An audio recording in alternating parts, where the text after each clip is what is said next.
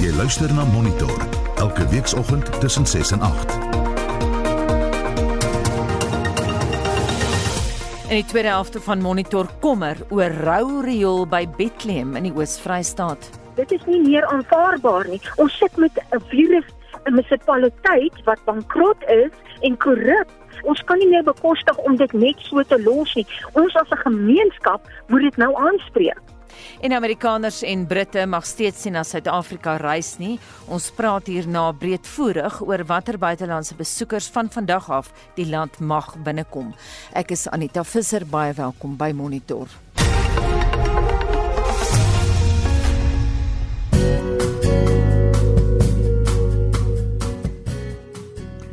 Hier is vandag se weer vir 1 Oktober uitgereik deur die Suid-Afrikaanse Weerdiens. Daar is 4 weerwake wat uitgereik is in al 4 gevalle geel waarskuwings. Vir wind met moontlike skade van die plaaslike infrastruktuur oor die suidelike dele van die Namakwa distrik in die Noord-Kaap en in die sentrale Karoo in die Suid-Kaap. Tweedens vir reën met moontlike impakte soos plaaslike oorstromings van kwesbare nedersettings en paaie word verwag in die Oeverberg en Tuinroete distrikte in die Wes-Kaap. Dan vir seegolf toestande wat kan lei tot moontlike navigasieprobleme en ontwrigting van plaaslike strandaktiwiteite en dit word verwag tussen Kaap Columbine en Pieterberg Bay. En dan ook 'n geel waarskuwing wat uitgereik is vir ewige donderbuie met moontlike oorstromings van kwesbare laagliggende gebiede, verkeersontwrigting weens suidwestelike winde, swak sigbaarheid en sterk winde wat kan lei tot skade in informele nedersettings in die Pixley Sema munisipaliteit in Mpumalanga sowel as in Zululand in KwaZulu-Natal. Vir die reisigers weer voorspelling vir vandag in Gauteng, in Pretoria, Johannesburg en Vereniging is dit bewolk met verspreide buie en donderbuie. Pretoria het 'n maksimum van 25, Johannesburg 21 en Vereniging 23. Mbombela is bewolk met verspreide buie en donderbuie met 'n maksimum van 26.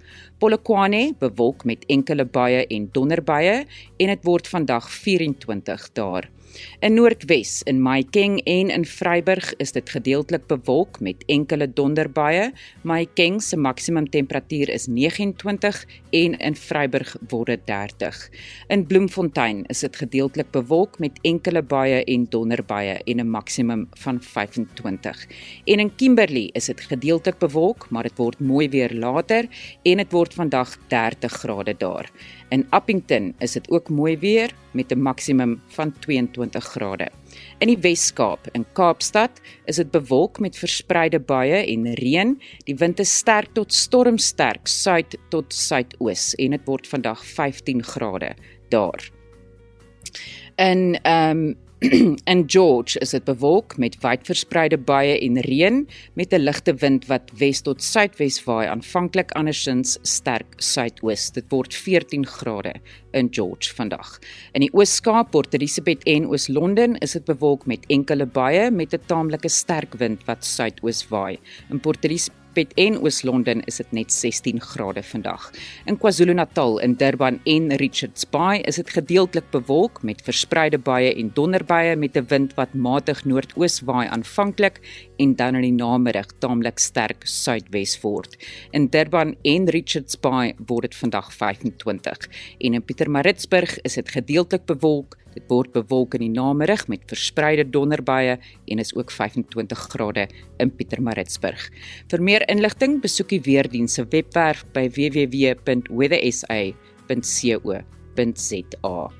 En dan net laastens 'n verkeersnuus in die Wes-Kaap in Strandfontein by Baden Powell weg in die in 'n westelike rigting is daar verkeer wat teen 'n slakkepas beweeg by Strandfontein weg. As jy weet van nog enige verkeersnuus in jou omgewing, laat weet ons by 45889 R1.50 per SMS en begin die SMS met die woord verkeer.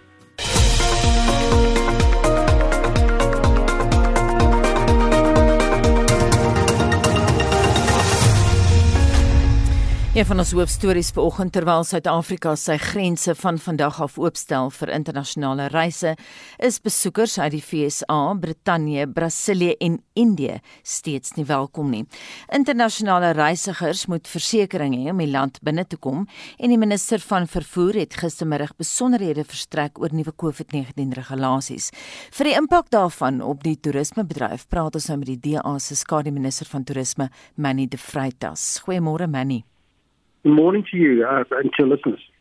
Manny, net voordat ons met die onderhoud begin, ek wil hê ons moet luister na 'n klankgreep. Die minister van internasionale betrekkinge, Naledi Pandor, sê die land sal sy eie koronavirus risikovlakke gebruik om te bepaal watter lande hoë, medium of lae risiko is. Travelers for leisure purposes from high risk countries will not at present be permitted into South Africa. Only persons who are high skills visa holders, who are investors in the economy of South Africa, will be allowed entry if they are from a high risk country or diplomats, as is currently the regulatory position. Leisure travelers will be permitted from medium risk and low risk countries. Eers in jou reaksie hierop. Well, I mean, first of all, it's, it, it baffles the mind at how uh, the logic or the science that's been used to um, allow people to uh, permit, people in. So they're now using economic reasons to allow people in as if the people who are uh, uh, conducting business in South Africa, uh, diplomats and so forth, as if they are automatically COVID negative.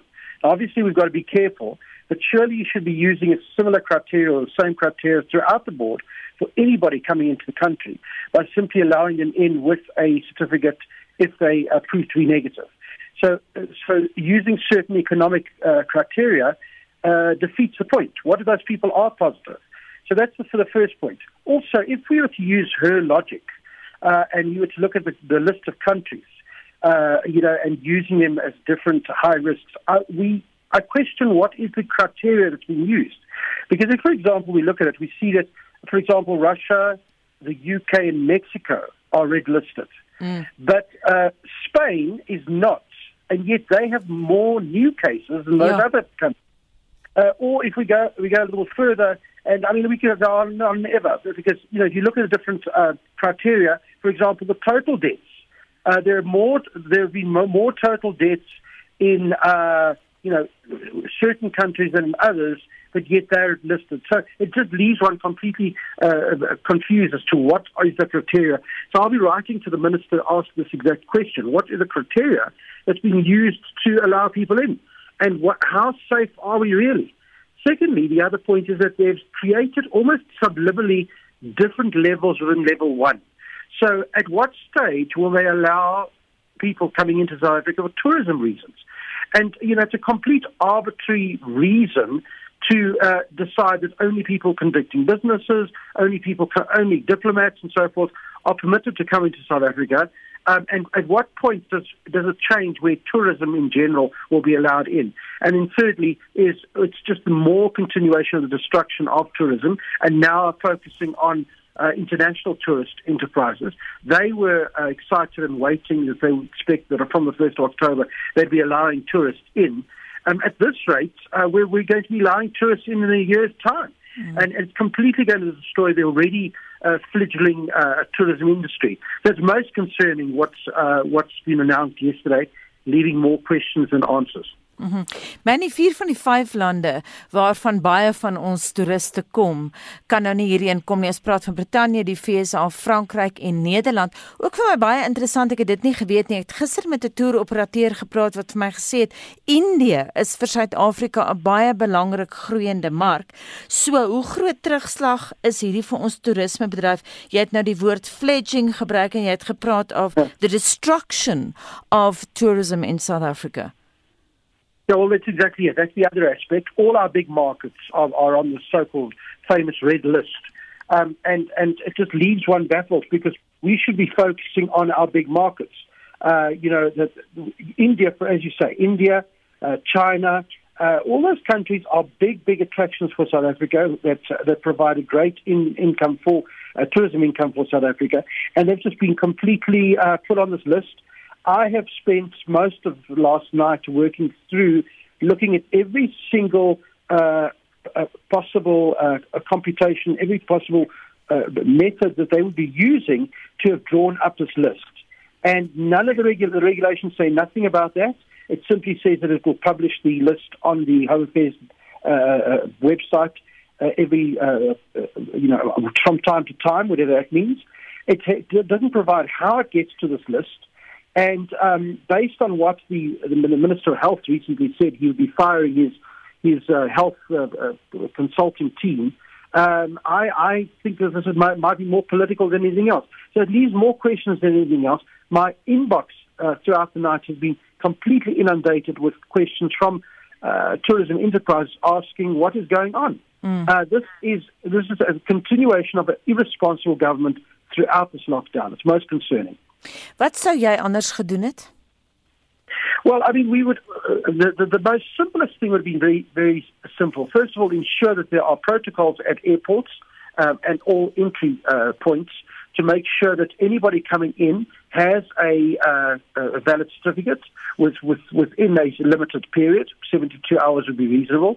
And uh, anybody coming in would require such a certificate. And uh, they would be required to, before embarkation on their point of departure, they would have already got that certificate. So that you don't have a situation where we arrive in South Africa and you've got people coming in for whatever reason and they do not have a COVID uh, uh, compliant certificate.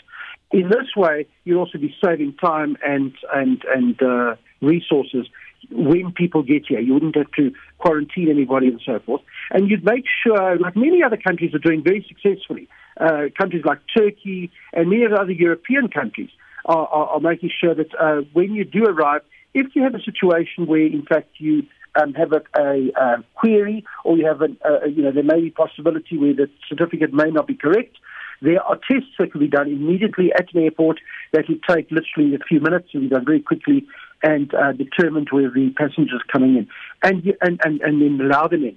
So, mm. because the idea is to open up borders, but open it up responsibly as possible. Now, to open it up and then having all sorts of conditions and all sorts of things is really most concerning. I know many uh, people that have booked holidays, booked trips to South Africa, um, uh, you know, for tourism reasons, and are now left in, in a lurch when they've paid and laid out a lot of money. And when you have that kind of experience, you, you've lost that tourist forever. They'll never come back because they're so uh, it's, it's been such a bad experience. So it's this government that just hasn't got a clue, and I'm echoing what I'm getting in the, my inboxes of what and how tourism uh, reacts uh, and how it deals with, with, with these kind of things. It should have been done in a way in consultation with the uh, sector, the tourism sector. At no stage was the tourism sector ever consulted. They were never asked to, to provide input because I can tell you that they would have been over, you know, very happy to provide uh, government with some advice on how to do things. Mm. Um, I just think it's just more more destruction of the economy in general as well. Daar moet dan ook gesê word dat daar is ander lande wat aandring op 'n koronavirus toets en dit is ook dan 72 uur voor die tyd, maar jy blyk daar teen te wees. Well, we should. We, I'm, I'm, I'm saying we do have uh, tests, and you should have certifications that um, indicate that. Um, but there are other ways of doing it. My point is, for example, and I, I want to use Turkey as an example. What Turkey has done is that not only have they gone and, and um, ensured that anybody coming into their borders has a COVID uh, negative certificate, but they've also um, categorized and, and uh, certif- certified um, hotels, accommodation, uh, uh, tourist sites, and so forth as COVID friendly. And they will then advise uh, tourists that these uh, places they can go to are in fact COVID friendly, which have met a certain set of criteria. And that ensures that those tourists can go and visit those sites, they can go to those, those accommodations, they can use the transport and so forth, and know that, uh, relatively speaking, these places are COVID friendly and have been uh, compliant. And that's the kind of thing we should have done. We should have, we should have done that so that it makes it easy and tourist friendly for them to come in. Mm. But to uh, on a national television to threaten people, which is what uh, uh, Pandor did, to say, you know, if you if you if you uh, don't have a, a certificate, you're going to be punished with quarantine and so forth. This is not how you deal with. This is not how you welcome people to South Africa uh, for them to tour. Mm. Uh, it should be done in a completely different way. And it's not. We don't have to reinvent the wheel. We can see where it's been done in the world, and we can learn from that and try and uh, emulate that. Manny net laasens jy praat nou van seeing about how it's done in the world. Ons weet dat Griekeland en Spanje te vinnig hulle grense heropen het vir toeriste. Trouens die Griekse minister van toerisme het dit op rekord erken in 'n onderhoud met die BBC. Hulle te vinnig oopgemaak. So daar is 'n ander kant van die saak ook of hoe? Yes, absolutely. I'm, I'm saying we've got to do it responsibly.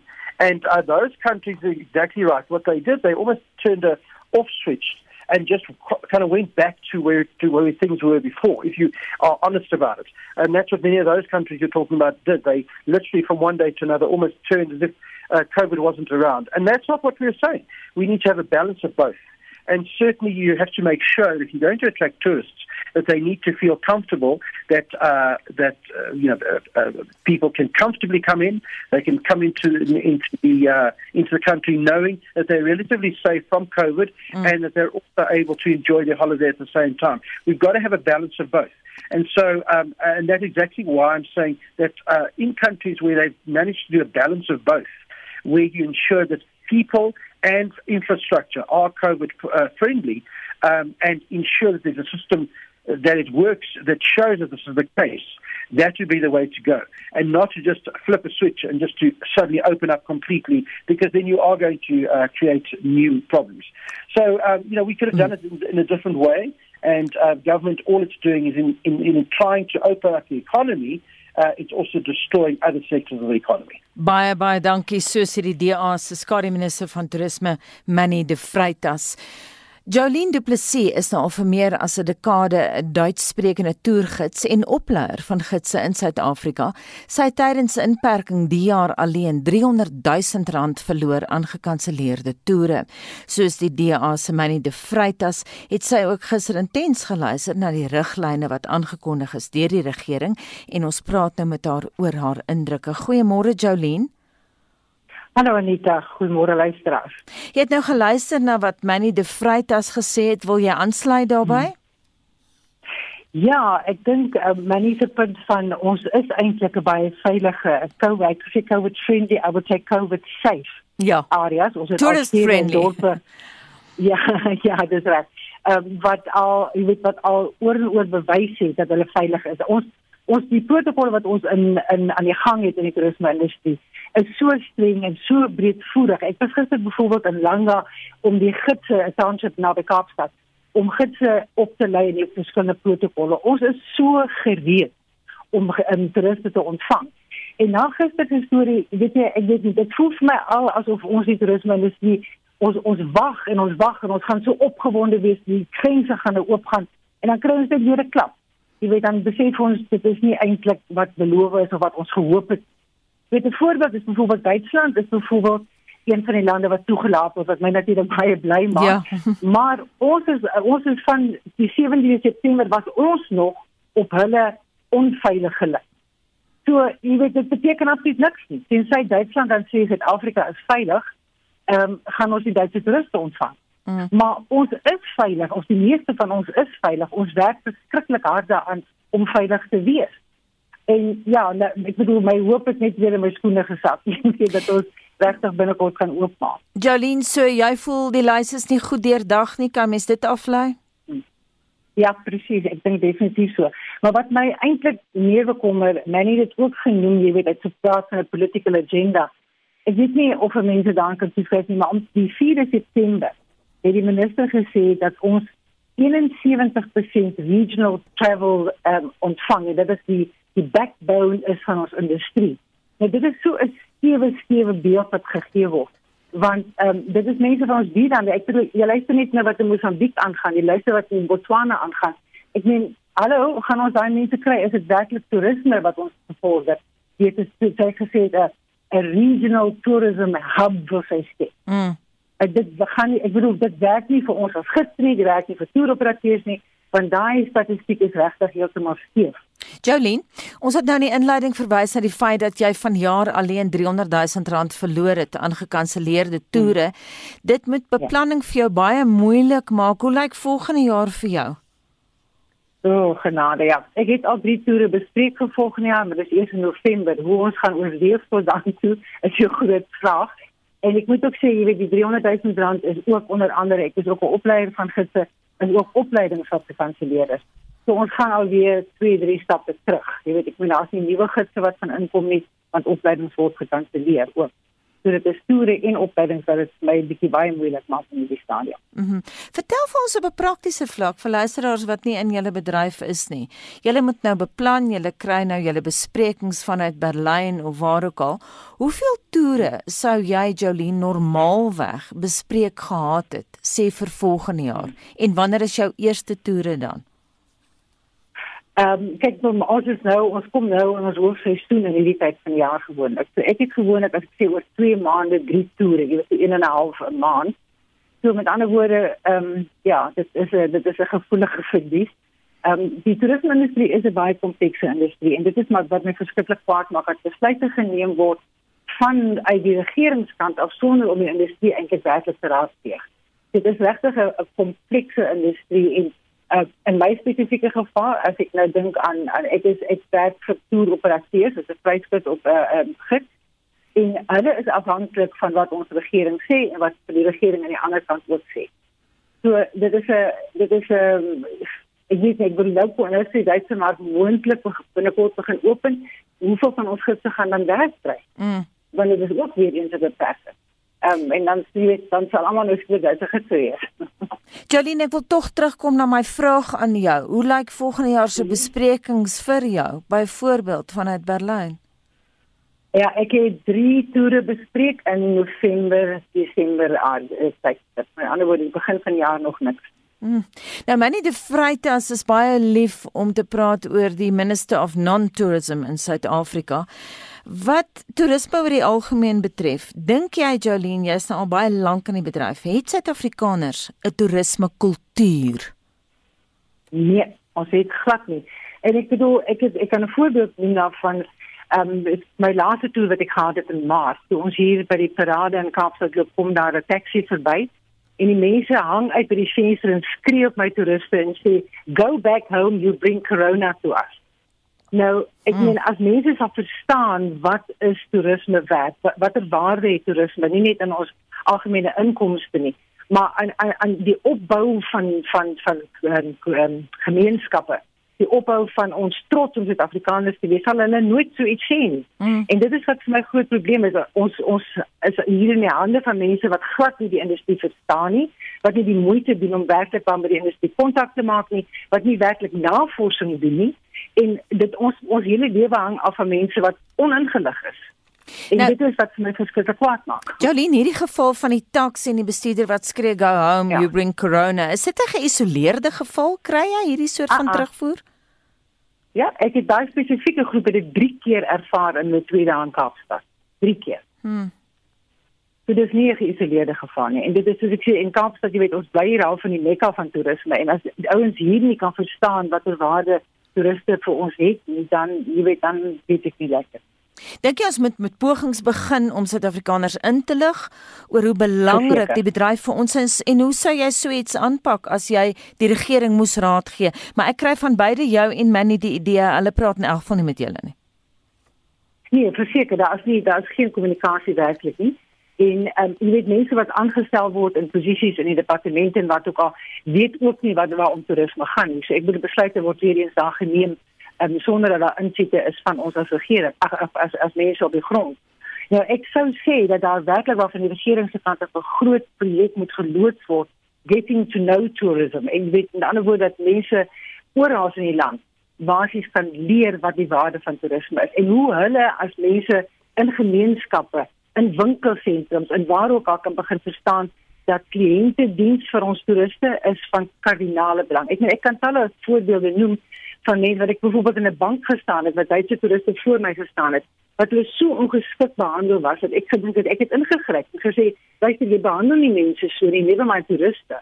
So, hm. nou, jy weet dit is 'n algemene probleem wat ons het as Suid-Afrikaners dat ons nie werklik besef hoe baie belangrik hierdie industrie vir ons is nie. Hulle beskou ons eintlik die regering beskou ons as 'n emosionele industrie. En ek weet nie of dit is hoekom hulle nie na ons wil luister nie, maar ek bedoel dit is nie emosioneel nie, dit is mense, die meeste van die gidse is eintlik hoogs gekwalifiseerde mense. Mm. So ja, ek weet nie, jy weet, um, daar is 'n groot groot kommunikasiegap. Baie dankie Jolene. Hoopelik praat ek weer uh, later in die jaar of volgende jaar met jou. Alle sterkte met jou besigheid. Dit dan Jolene Du Plessis. Sy is al vir meer as 'n dekade 'n Duitssprekende toergids en sy is ook 'n opleier van toergidse in Suid-Afrika. Dis nou 7:30. Jy luister na Monitor elke weekoggend tussen 6 en 8.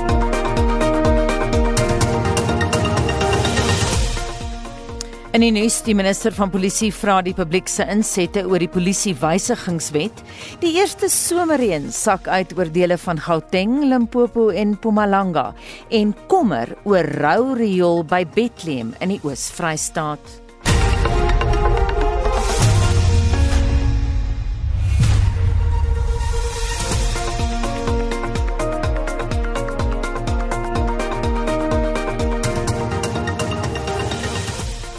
Aan op kommentaar ja op die ondersoekende joernalis Paulie van Wyk, die politieke ontleder Theo Venter en die kenner van internasionale verhoudinge Dr. Oscar van Heerden ons om sin te maak van die week se groot nuusgebeure.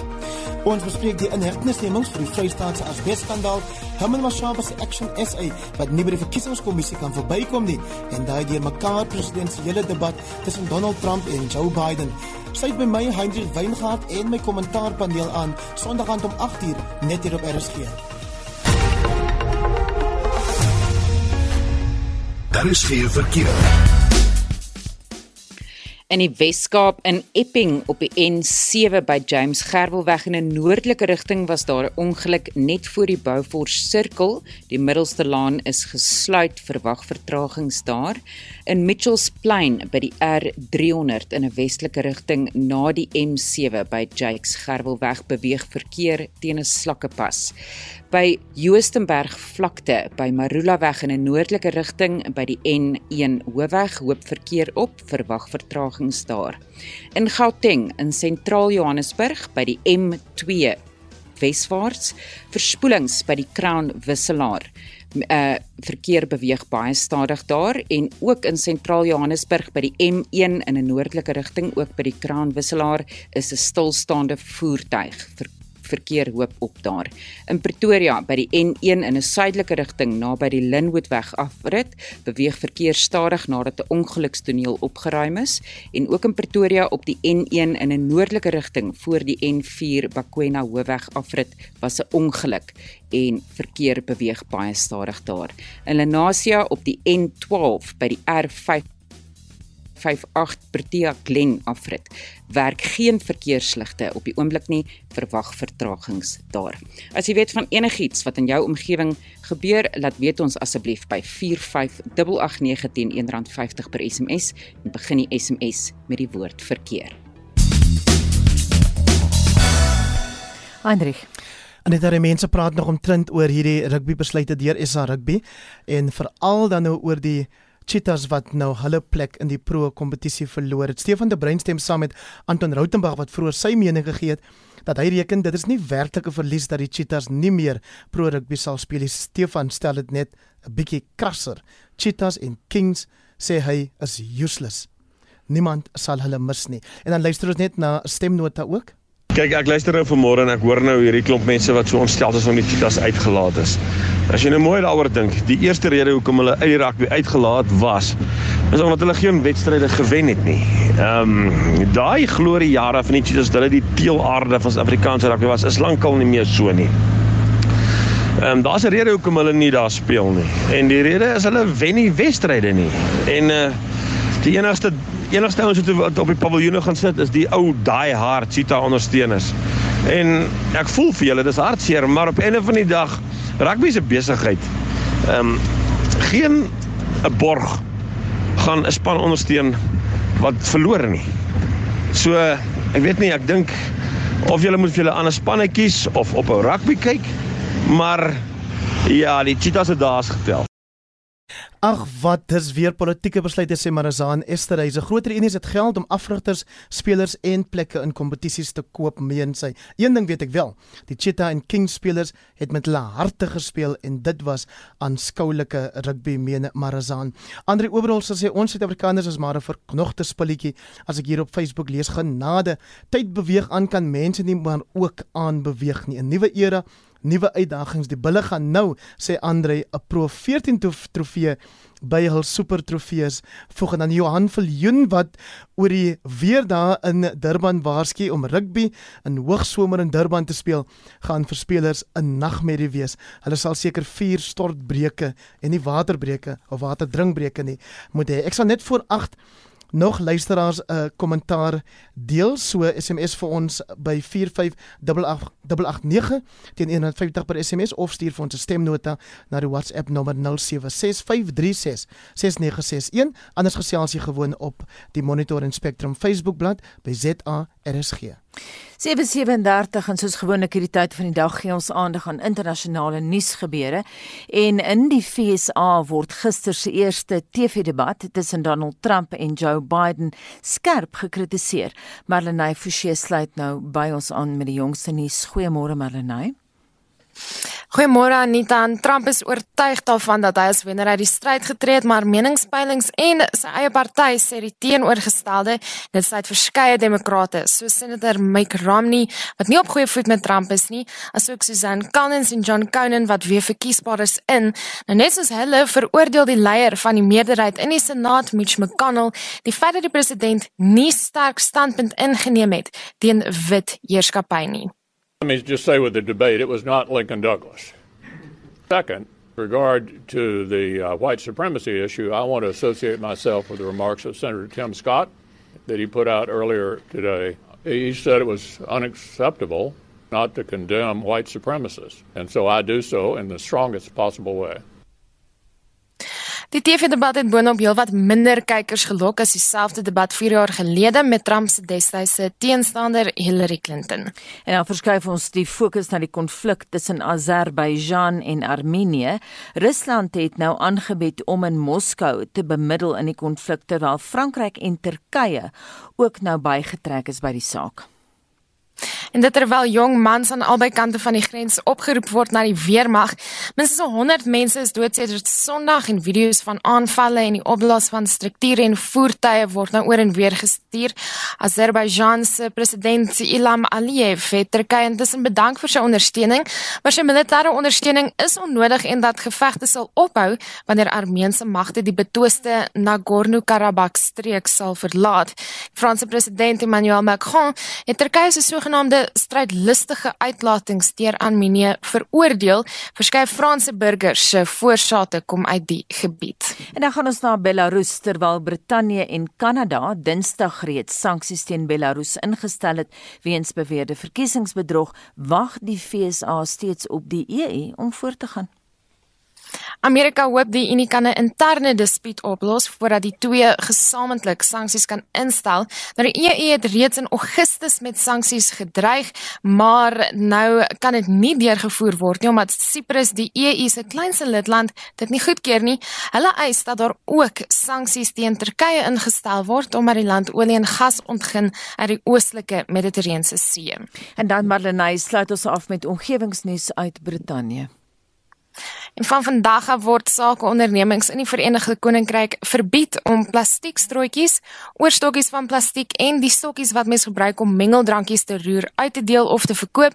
Nou die verbod sou reeds in April ingestel word, maar die pandemie het vordering vertraag. Mens kan hoop dieselfde gebeur hier in Suid-Afrika. Baie dankie dit aan Marlenae met wêreldnuus gebeure.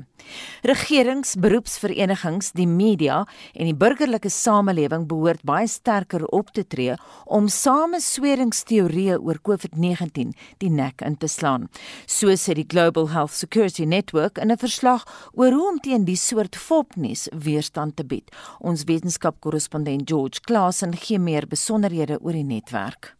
Wel dit is 'n nuwe multidissiplinêre professionele organisasie wat bewysgedrewe besluitneming bevorder oor die opsporing, die voorkoming en die beheer van oordraagbare siektegevare.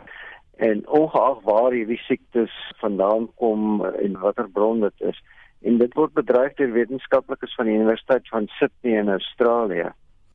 Wat het hulle ondersoek? Watse samesweringsteorieë is daar?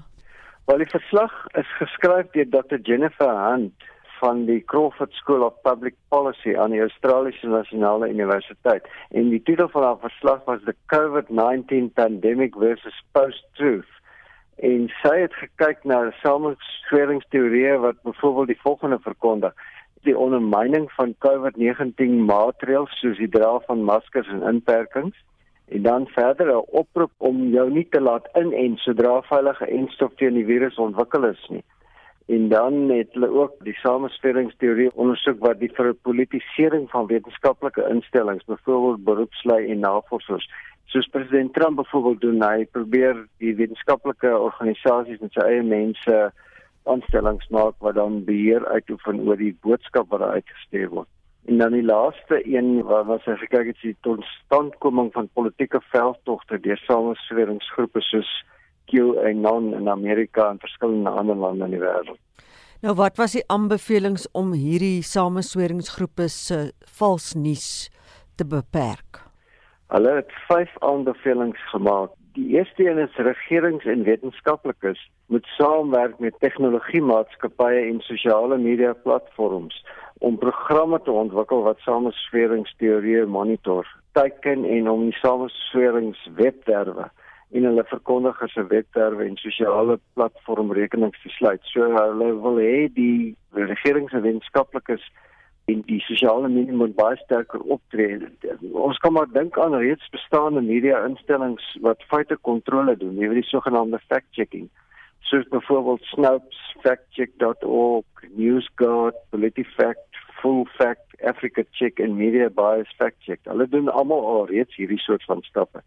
Die tweede een wat aanbeveel word is regeringsboord wetstoepassingsmeganismes te gebruik wat reeds ontwikkel is om plaaslike ekstremisme te beveg en behoort ook wette te aanvaar wat samesweringsteorieë aktief bestry en ekstreme inhoud aan bande lê. Ons dink byvoorbeeld aan ons eie maatreëls wat president Ramaphosa aangekondig het dat as jy vals nuus versprei oor die COVID-19 dat jy vervolg kan word. En dan die derde punt is beroepsliggame behoort hulle gedragskodes aan te pas om formele hersiening en dissiplinêre prosesse in werking te stel vir individue wat vertrouensposisies beklee en misbruik. Byvoorbeeld die mediese, politici, regslei en joernaliste wat openbare gesondheid bedreig deur samestoringsteorieë te verkondig. Nou ons sien dit baie op sosiale media dat uh, van hierdie beroepsgroepe uh, individue die soort van goed verkondig. Dan die vierde een is politieke partye behoort 'n onderneming tot 'n professionele gedragskode by hulle beleidsplatform in te sluit wat dit duidelik stel dat steun aan kandidaate onttrek sal word wat samesweringsteorieë en fopnies verkondig en nie aan 'n minimum etiese vereistes voldoen nie. Ons sien dit byvoorbeeld die kandidaat van QAnon wat in Amerika een van die deelstate aan die nominasiestryd gaan deelneem en die aanbeveling hier is dat politieke partye behoort nie sulke kandidaate hoegenaamd goed te keer nie. En dan die laaste punt wat Dr. Atten maak is burgerlike organisasies en beroepsverenigings behoort hulle lidmaatskapnetwerke te mobiliseer om korporatiewe advertensies te teken wat op webwerwe adverteer waar samesweringsteorieë verkondig word. Dit wil sê dat dat jy baie sterk moet optree teen webwerwe waar hierdie soort van advertensies geplaas word en dat hulle nie ondersteun behoort te word nie. Uh, kan 'n mens nie hier 'n bietjie van sensuur begin sien nie? Ja, jy kan in 'n sekere mate, maar die dilemma waarin mense sit is dat wanneer jy vals nuus begin versprei wat in 'n groot mate mense se gesondheid kan benadeel of hulle kan skade aandoen, dan vra jy die vraag af in hoe mate het ons byvoorbeeld in die media verantwoordelikheid en regerings en individue die verantwoordelikheid om nie sulke vals nuus te versprei wat dan op die ou einde groot skade binne in gemeenskappe kan werkstellig nie. Dis 'n baie moeilike balans wat hier gehandhaaf moet word. En so sê ons wetenskapskorrespondent George Klassen en Mitsie daardie Mitsie van der Merwe het daardie onderhoud met hom gevoer. Rugbybase het ten gunste daarvan gestem dat die bulle, die leeu's, sharks en stormers voortaan aan 'n uitgebreide Pro 16 kompetisie sal deelneem en nie meer aan die Super Rugby kompetisie nie. Die winsgewende Europese TV-mark en meer gunstige tydsones asook maklike reisreëlings is redes vir die skuif. Die cheetah Cheetahs, die Kings en die Kings wat onder vrywillige likwidasie geplaas is, is uit die Pro 14 geskop. 'n Sportskrywer by Netwerk 24, Tinus van Staden, het meer besonderhede. Suid-Afrikaanse rugbybase het Dinsdag na 'n maraton debat op 'n spesiale algemene jaarvergadering besluit dat die vier huidige Super Rugby franchises, dis nou die Leeu's, die Bulle, die Stormers en die Haie, 'n nuwe rugby tuiste sal moet vind. Dit beteken hulle sal uit die Super Rugby reeks onttrek word en dan moontlik aan 'n uitgebreide Pro reeks in die noordelike halfrond gaan deelneem. Daar's ook besluit dat die dat die Cheetahs uh, en ook dan die Southern Kings voortaan nie meer aan die Pro 14 reeks sal deelneem nie. Die ehm um, Cheetahs uh, sal dan moontlik aan 'n aan 'n ander super kompetisie gaan deelneem. Uh, daar word gepraat van 'n moontlike Super 8 reeks wat wat wat um, wat beplan word waarin spanne van Nieu-Seeland en Australië as ook um, van die Suidsee eilande en miskien Japan en Argentinië kan speel. Maar no, niks is nog vasgestel nie en daar daar moet ook nog eers gepraat word oor die kommersiële implikasies daarvan om om die cheetahs in in so 'n reeks te laat speel. Maar ja, dit lei dan nou 'n nuwe era in dat Super Rugby na 25 jaar nie meer gaan voortbestaan soos wat ons dit geleer ken het nie en ehm um, die die Suid-Afrikaanse franchises sal dan 'n tuiste in die noorde gaan vind. Nou hoe gaan dit ons plaaslike liga raak? By die vergadering is daar ook besluit dat daar volgende jaar 'n uh, 'n uh, SA beker noem hulle dit op die oomblik sal wees waarin al 14 die unies in twee groepe verdeel sal word en dan teen mekaar sal speel in 'n enkel ronde en daarna sal die ag voorste spanne in 'n uitklopfase betrokke wees wat bestaan uit kwartyn 'n kwartydronde, halfeindronde en 'n eindstryd. Daar sal ook volgende jaar 'n Karibeker reeks wees waarin die vier die vier pro spanne, dit is dan nou uiteraard die die haie, die stormers, die bulle en die leeu's sal speel saam met die vier ander topspanne wat uh, die beste gevaar het in die SA in die SA beker en die vorige beker sal dan in die in die in die um, Premier Liga van die Karibeker reeks speel.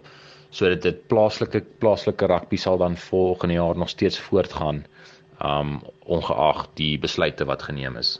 En die Cheetahs ondersteuners, hulle sal ook nou miskien in 'n nuwe reeks gewoond moet raak. Dis natuurlik baie hartseer vir die Cheetahs. Die Cheetahs het verstaan hulle het, hulle het eintlik goed gevaar uh terwyl hulle Super Rugby span was, maar hulle is toe ongelukkig in 2017 saam met die Southern Kings uit die Super Rugby reeks geskop waar hulle nou vir hulle 'n nuwe tuiste gaan vind het in die Pro 14. Uh daar het hulle ook eintlik die verbeelding aangegryp en veral by die huis baie goed gevaar. Die reis was was soms bietjie moeilik vir hulle gewees. Uh maar hulle het begin om hulle voete te vind en regtig goed te vertoon op die veld. Cheetah ondersteuners is is baie ongelukkig met die besluit wat 'n mens kan verstaan. Uh die Cheetahs se bestuurende direkteur Harold Verster het gesê hulle behou hulle regte voor daar en hulle in hulle oorweeg hulle opsies verstaan um oor hoe oor hoe om die pad vorentoe aan te vat. Uh, as hulle as hulle dan nou wel in 'n nuwe super super toernooi of 'n super reeks sal speel, sal dit darm vir die vir vir cheetah ondersteuners en ook vir rugby in die sentrale streek, verstaan wat baie mense sê is die hartland van Suid-Afrikaanse rugby met 'n met 'n rugbyfabriek soos um, soos Grey College in in Bloemfontein. Dit sal dan minstens vir hulle nog steeds iets gee om na te werk en iets na om om om na te streef, maar ja, dit dit hang maar af van van talle kommersiële implikasies en en hoe of dit lewensvatbaar sal wees om in so 'n beplande toernooi dan deel te neem. Nou gaan gister se besluite deur Sansar, die Springbokke en hulle rugby kampioenskap raak. Yuri Roo, die uitvoerende hoof van die Suid-Afrikaanse Rugby Unie, het wel gesê dat Suid-Afrikaanse rugby steeds verbind bly tot die Sansar vennootskap op 'n internasionale vlak, uh, wat beteken dat die Bokke steeds behoort uh, te speel in die rugby kampioenskap.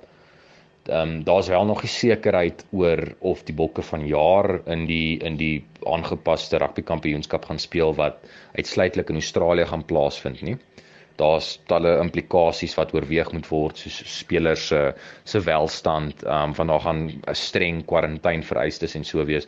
Maar ehm um, wat die pad vorentoe betref, behoort Suid-Afrika steeds 'n uh, tuiste te hê in die rugby kampioenskap. Kyk, die rugby kampioenskap is is nog steeds 'n baie uh kommersiële lewensvatbare uh, toernooi waarin baie mense belangstel wat groot skares lok wat uh, groot kykertalle op die op die televisie ook het en dit dit is 'n groot bron van inkomste vir die Suid-Afrikaanse rugby nie. So op die oomblik lyk dit net of die of die Sansaar vennootskap op supervlak dan nou daarmee heen is met die met die met die vier franchises wat noord gaan trek. Maar op internasionale vlak uh ja, die Bokke sal nog steeds teen teen die All Blacks speel. En dan natuurlik is ons opgewonde oor Saterdag se proefwedstryd. Daar is groot opwinding vir Saterdag se Springbok proefwedstryd tussen 'n groen span en 'n goudspan op Nieuweland. Dit is ook dan nou aangekondig gister dat die Springbok kaptein Sia Kolisi die groen span sal aanvoer terwyl Lucanio Am wat vir die Bokke geskitter het op buitesenter by 2019 se Wêreldbeker toernooi die goudspan se kaptein sal wees. Lucanio Am is natuurlik ook die Haie se kaptein waar hy homself baie goed van van sy taak gekwyt het vroeër vanjaar in die Super Rugby reeks. En Siya Kolisi is ook die Stormers se kaptein en uh, dit was Tinus van Staden en uitgepraat met Vincent Mofokeng. In Bethlehem in die Oos-Vrystaat is 'n gemeenskapsleier raad op omdat sy reeds vir 7 jaar lank die stukkende mangate en lopende riool aan die Dilabeng munisipaliteit aanmeld sonder enige gevolg. 'n Woordvoerder van die munisipaliteit sê die Somaitse het nie op monitor se navraag hierop gereageer nie. Mitsi van der Merwe het meer. Daar is nie 'n verandering in kwantiteit nie. Loop al 7 jaar lank. Wat daai 42 miljoen rand betref wat oor die tydperk boekjaar van 2019 tot 2020 strek, as jy gaan kyk na die begroting self, is dit versprei oor 5 dorpe. Maar daar is 16 miljoen rand begroot om die Bethlehem rioolplaas op te gradeer. Volgens Laisike is die probleem swak bestuur en byna geen onderhoud nie vir die rioolwerke spesifiek, daar is 3 pompe wat veronderstel is om te werk. Oor die jare het twee van daardie pompe ingegee as gevolg van ouderdom en die gebreke was van so aard dat hulle dit nie meer kon herstel nie. Die laaste ene hardloop nou al op sy laaste bene vir 'n jaar en 'n half. Omdat hierdie pomp ook nie meer kan, het hulle hierdie pomp nie 24 ure dag laat loop nie. Sy beweer dat die enigste pomp vir dae aan een nie aangeskakel word nie. En dan skielik op 'n Sondag het hulle al daardie rou riool want een pomp kan onmoontlik nie die hoeveelheid riool wat daar invloei hanteer nie dan stort hulle hierdie rou riool in die Jordaanrivier af. Nou ek was gelukkig genoeg geweest om Sondag op die laaste gedeelte van wat hulle daai pompe oopgemaak het en dit in die rivier ingestort het, het ek daarop afgekom en die video geneem. Dit was glo blote geluk om die bewyse in 'n video Sondag te kon opneem. Ek vermoed hulle het gehoor dat ek aan die projek werk, het hulle daai ontlasting al vroeg daai oggend begin deurstuur. So ek was baie gelukkig om die bietjie, kan jy dink hoeveel meer dit is wat daar in afstort as ek net aan die laaste gedeelte van dit wat daar deurvloei 'n video kon neem. Dit is die eerste keer in 7 jaar wat ek kon klare bewyse het en dit is vir my onaanvaarbaar. Die riool bedreig ook die gehalte van die water in die Valdamstelsel. Die Vaalrivier se probleme kom nie net uit Parys uit nie. Ons sit hier in die Oos-Vrystaat. Ons is veronderstel om van die suiwerste water van die bergwater wat van Lesotho afkom. Maar die probleem begin ook reeds in die Oos-Vrystaat. Van daai water van die Jordaan af vloei saam eintlik saam met die Liebenberg en hulle gaan uiteindelik Wilger toe en hierdie riool langs die pad word net al hoe meer en al hoe meer want die Wilgerrivier draai in Frankfurt waar daar ook 'n probleem is. Laasike sê die rioolbestuur in armde gebiede is nog swakker. Die probleem wat in Boglekong is wat op die stadium van die grootste mangate wat daar is, stroom van die een kant af in 'n pan in wat dit reeds gevorm het wat reg langs die rioolwerke van Bethlehem is.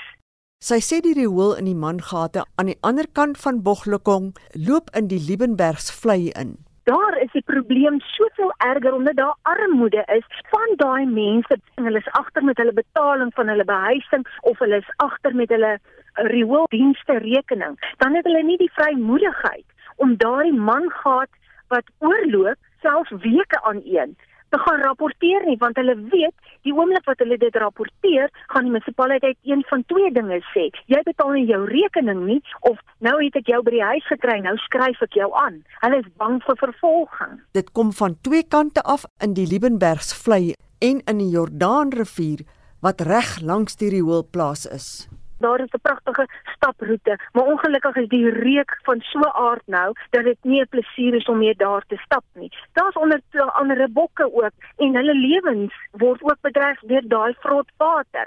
Jy dink dat daar twee watervalle is as jy nie weet dat dit riool is wat daar loop. Volgens Laisike is die Jordaanrivier by Pretoria se kloof baie vuil. Hy is grasgroen geen natuurlewe kan in daai water leef nie. As die Jordaan afkom as ons goeie reën gekry het, gaan twee dinge gebeur. Die Jordaan gaan sy walle oorstroom. Die Jordaan is jare en jare laas geskraap.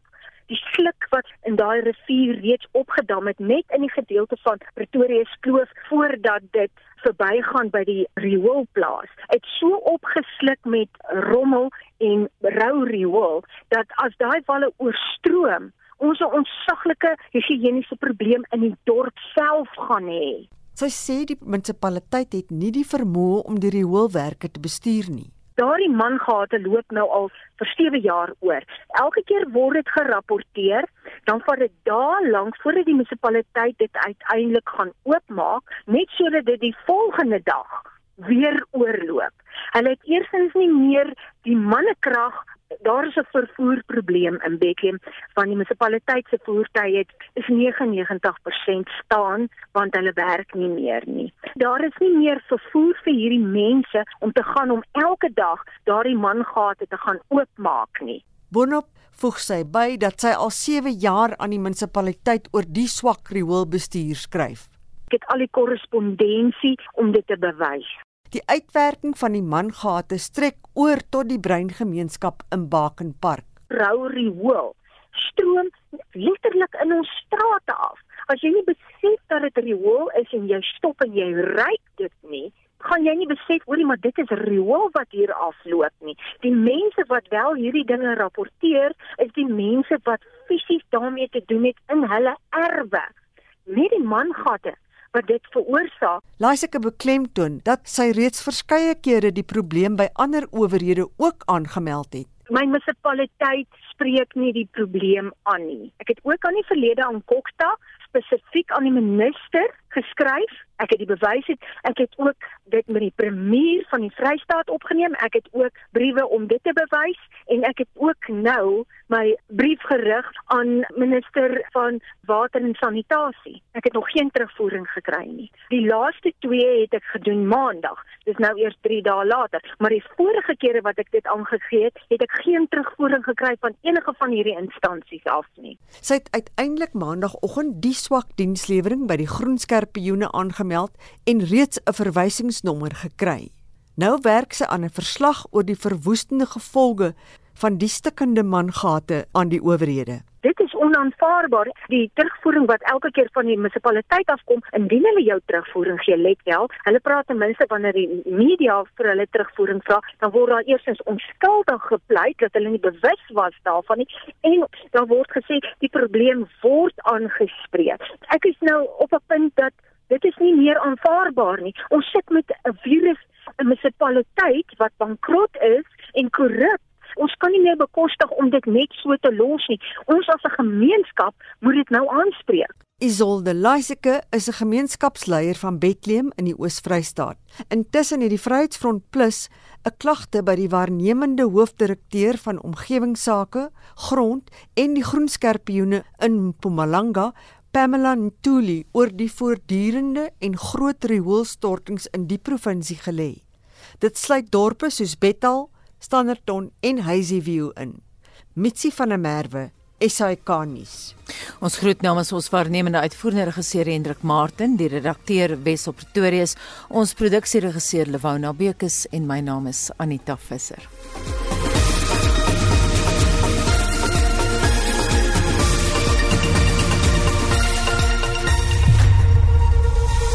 SAK nuus. Onafhanklik, onpartydig.